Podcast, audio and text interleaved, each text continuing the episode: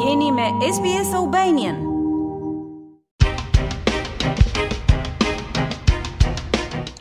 Shumë njerëz nuk e presin kurrë që mund të duhet t'i përgjigjen një urgjence shëndetësore derisa ajo të ndodhë.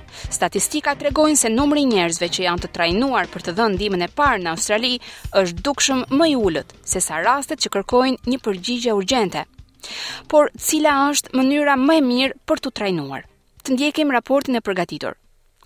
Në vitin 2017, Kryqi i Kuq zbuloi se Australia kishte një nga nivelet më të ulëta të trajnimit për dhënien e ndihmës së parë në botë, pavarësisht se pothuajse gjysmë milioni njerëz me dëmtime pranoheshin në spitale për çdo vit. Midis tyre, pothuajse 60.000 janë fëmijë.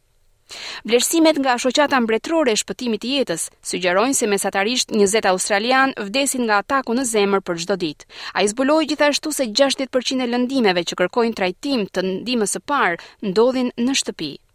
Më pak se një në tre të punësuar ndjejnë siguri që të japin ndihmën e parë në rast emergjence në vendin e punës. Buck Reed, Ka punuar si ndihmësmjek për më shumë se njëzet vjet. Ai është gjithashtu lektor i mjekësisë së urgjencës në Universitetin e Western Sydney.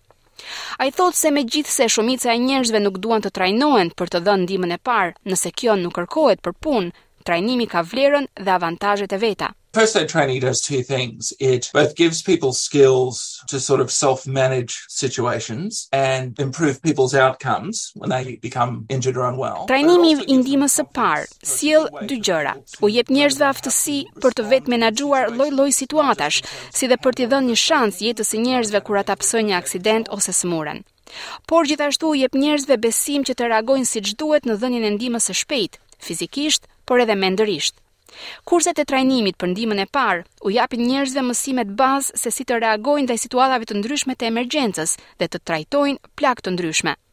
Zoti Reed thotë se qëllimi është t'u japë të dëmtuarve një shans më të madh përmirësimi ose mbijetese përpara se të arrijnë në spital. Kurset e trajnimit për ndihmën e parë i mësojnë njerëzit se si të kryejnë ringjalljen kardiopulmonare ose CPR dhe si të përdorin defibrilatorin. Këto janë dy ndërhyrjet më të rëndësishme, potencialisht shpëtimtare, që mund të bëhen për të ndihmuar dikë që pëson një arrest kardiak.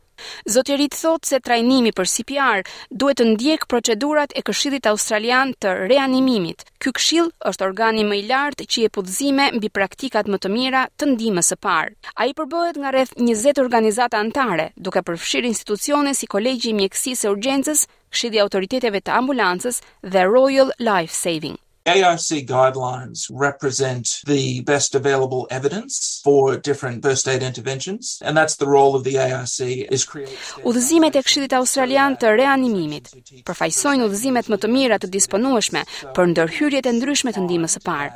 Ky është edhe roli i këtij këshilli, që të krijojë standardizimin në mënyrë që organizatat që trajnojnë mbi ndihmën e parë të përcjellin lehtësisht udhëzimet më të dobishme. Të gjitha kurset e ndihmës së parë duhet të përputhen me rekomandimet e Këshillit Australian të Reanimimit.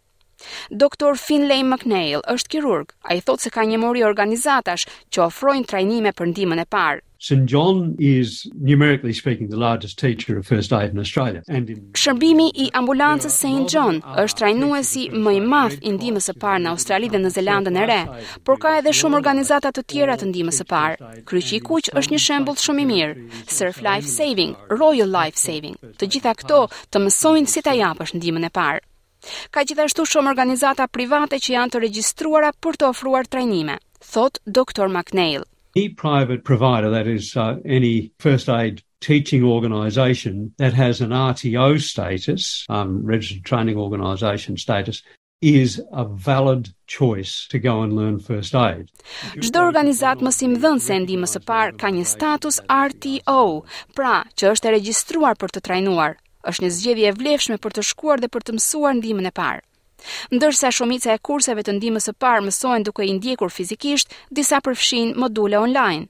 Deb Lowe punon si drejtoreshë rajonale e ndihmës së parë për kryqin e kuq në Brisbane.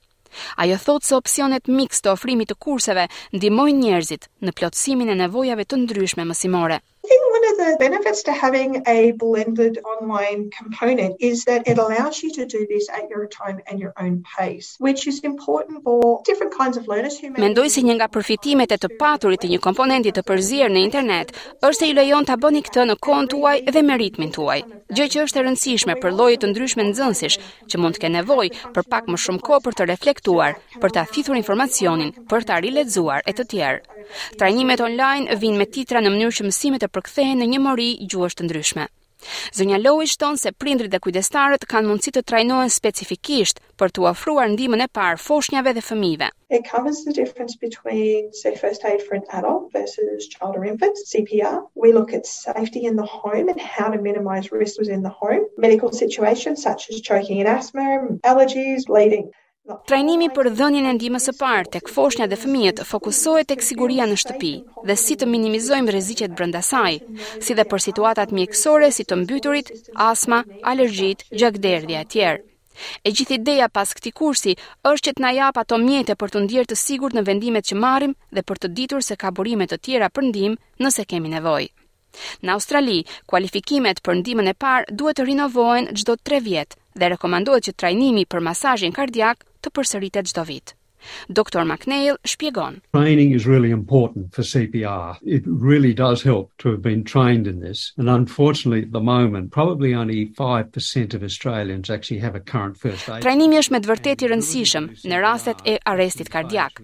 Dhe për fat të keq, për momentin, ndoshta vetëm 5% e australianëve kanë një certifikatë të ndihmës së parë. Dhe aftësia për të dhënë masazh kardiak zbehet me kalimin e kohës. që kur e keni përdorur për herë të fundit. Kurset e ndihmës së parë ndryshojnë në kohëzgjatje, disa zgjatin për disa orë deri në disa ditë. Disa janë të akredituar në nivel kombëtar dhe të tjerët jo. Disa janë të përshtatshëm për ambiente zyre, të tjerët specializohen për vendet e punës që janë në natyrë. Zoti Reed thotë se të trajnuarit dhe punëdhënësit duhet të zgjedhin atë lloj kursi që u përshtatet nevojave të tyre. Përveç kurseve të akredituara, shumë organizata jo fitimprurëse, organizata komunitare dhe shërbime të ambulancës ofrojnë gjithashtu trajnime falas për ndihmën e parë.